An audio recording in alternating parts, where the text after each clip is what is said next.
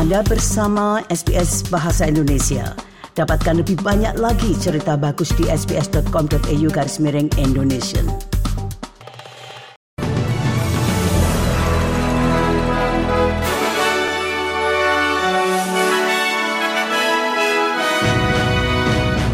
Berita terkini SBS Audio Program Bahasa Indonesia untuk hari Minggu 17 September 2023. Debat mengenai suara masyarakat adat semakin meningkat. Juru bicara oposisi urusan masyarakat adat, Cacinta Nampin Jinpa Price menimbulkan kontroversi dalam pidatonya yang provokatif di mana ia mengatakan bahwa penjajahan Inggris tidak mempunyai dampak negatif jangka panjang terhadap masyarakat aborigin. Menteri Masyarakat Adat Australia Linda Burney menyebut komentar itu salah dan merupakan pengkhianatan terhadap keluarga generasi yang dicuri. Aktivis terkemuka yang menyatakan tidak, Warren Mundine mengatakan kepada ABC bahwa bangsa ini perlu mengakui baik dan buruknya penjajahan, namun jangan membiarkannya terus mempengaruhi jiwa nasional mereka. You know, you cannot go on forever uh, saying that uh, colonisation, because it's just fact, it's happened, uh, is going to stop us from doing things, is going to uh, stop us from uh, improving our lives and keep us in poverty. That is, that is, if that's a statement, then I think we're heading up the wrong track. Sementara itu dari kubu Yes, unjuk rasa besar-besaran diadakan di Adelaide pada hari Sabtu kemarin oleh para pendukung kampanye Yes, termasuk beberapa artis seperti Paul Kelly dan Peter Garrett. Namun jajak pendapat menunjukkan bahwa Australia Selatan dan negara bagian lainnya kini termasuk kubu dengan mayoritas suara no. Menteri Pelayanan Sosial Amanda Risworth mengatakan negara bagiannya selalu memimpin reformasi yang progresif. We had uh, the first place to give women the vote.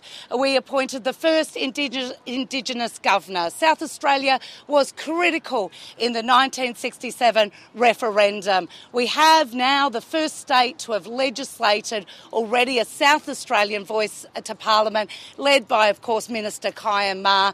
And we will see South Australia playing such a critical role uh, in this referendum coming up.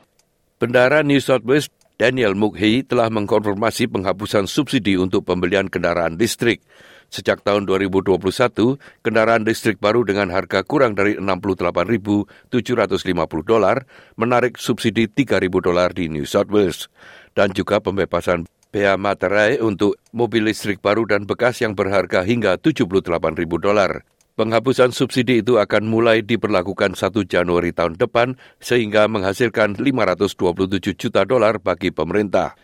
Pihak Jafari dari Dewan Kendaraan Listrik mengatakan penghapusan itu akan memberikan pukulan berat bagi mereka yang berpenghasilan rendah dan juga akan menghambat kemajuan menuju emisi nol bersih.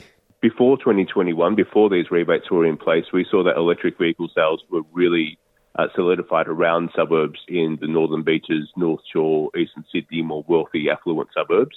Since they've been brought into place, certainly people in those suburbs are continuing to buy electric vehicles and they will continue to do so. But we saw quite a lot more of the new growth in sales growing out to Western Sydney suburbs like Blacktown. I think they're the people who are going to be sort of we're most concerned about in this change.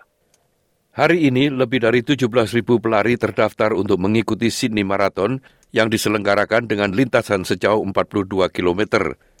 Jumlah ini lebih dari dua kali lipat dibandingkan dengan jumlah peserta maraton terbesar Australia sebelumnya yang digelar di Melbourne pada tahun 2019 yang dihadiri oleh 8.100 pelari. Acara ini dimaksudkan untuk dimasukkan dalam Abbott World Marathon Major bersama dengan perlombaan ikonik di New York, Boston, Chicago, London, Tokyo, dan Berlin. Tahun lalu, Sydney menjadi maraton pertama di belahan bumi selatan yang memperoleh status label platinum dan kini memasuki tahap kedua dari masa pencalonan selama tiga tahun untuk menjadi maraton besar. Dalam berita luar negeri, para pemimpin pertahanan NATO telah berkumpul di Oslo selama beberapa hari untuk membahas dukungan bagi Ukraina dan isu-isu regional lainnya. Pertemuan itu terjadi ketika pasukan Ukraina telah mengalami kemajuan yang lambat dalam menerobos garis pertempuran Rusia dalam serangan balasan yang tidak bergerak secepat atau sebaik yang diharapkan pada awalnya. Laksamana Bob Bauer dari Belanda, Ketua Komite Militer NATO, mengatakan kemajuan telah dicapai meskipun lambat. Every day, the Ukrainian armed forces are gaining ground on the battlefield. Every success is one step closer to victory. And even though the Russian leadership is unfortunately more than willing to let both their own population and the Ukrainian people endure senseless suffering, Ukraine will outlast and outperform them. And we will help them every step of the way. Sementara itu dalam seminggu terakhir, Ukraina telah melakukan beberapa serangan menggunakan drone laut dan rudal terhadap armada angkatan laut Rusia di Laut Hitam di sekitar semenanjung Crimea. Mikhailo Fedorov, Menteri Transformasi Digital Ukraina mengatakan industri drone di negaranya memainkan peran penting bagi Ukraina sehingga akan dapat melakukan lebih banyak serangan drone terhadap kapal perang Rusia. There will be more drones, more attacks, and fewer Russian ships, that's for sure. We increased drone production by more than a hundredfold this year. I think we'll see a 120 to 140 fold increase by the end of this year compared to the previous one. Sekian berita SBS Audio program Bahasa Indonesia yang disampaikan oleh Riki Kusumo.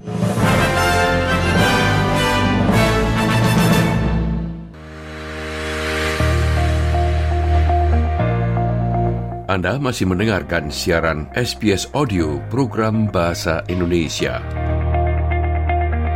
Jika Anda ingin menghubungi kami, silahkan menelpon kantor kami di Sydney pada nomor 02 9430 3135 atau kantor kami di Melbourne dengan nomor 03 9949 2208. Anda juga dapat menghubungi kami melalui email pada alamat indonesian.program at sbs.com.au.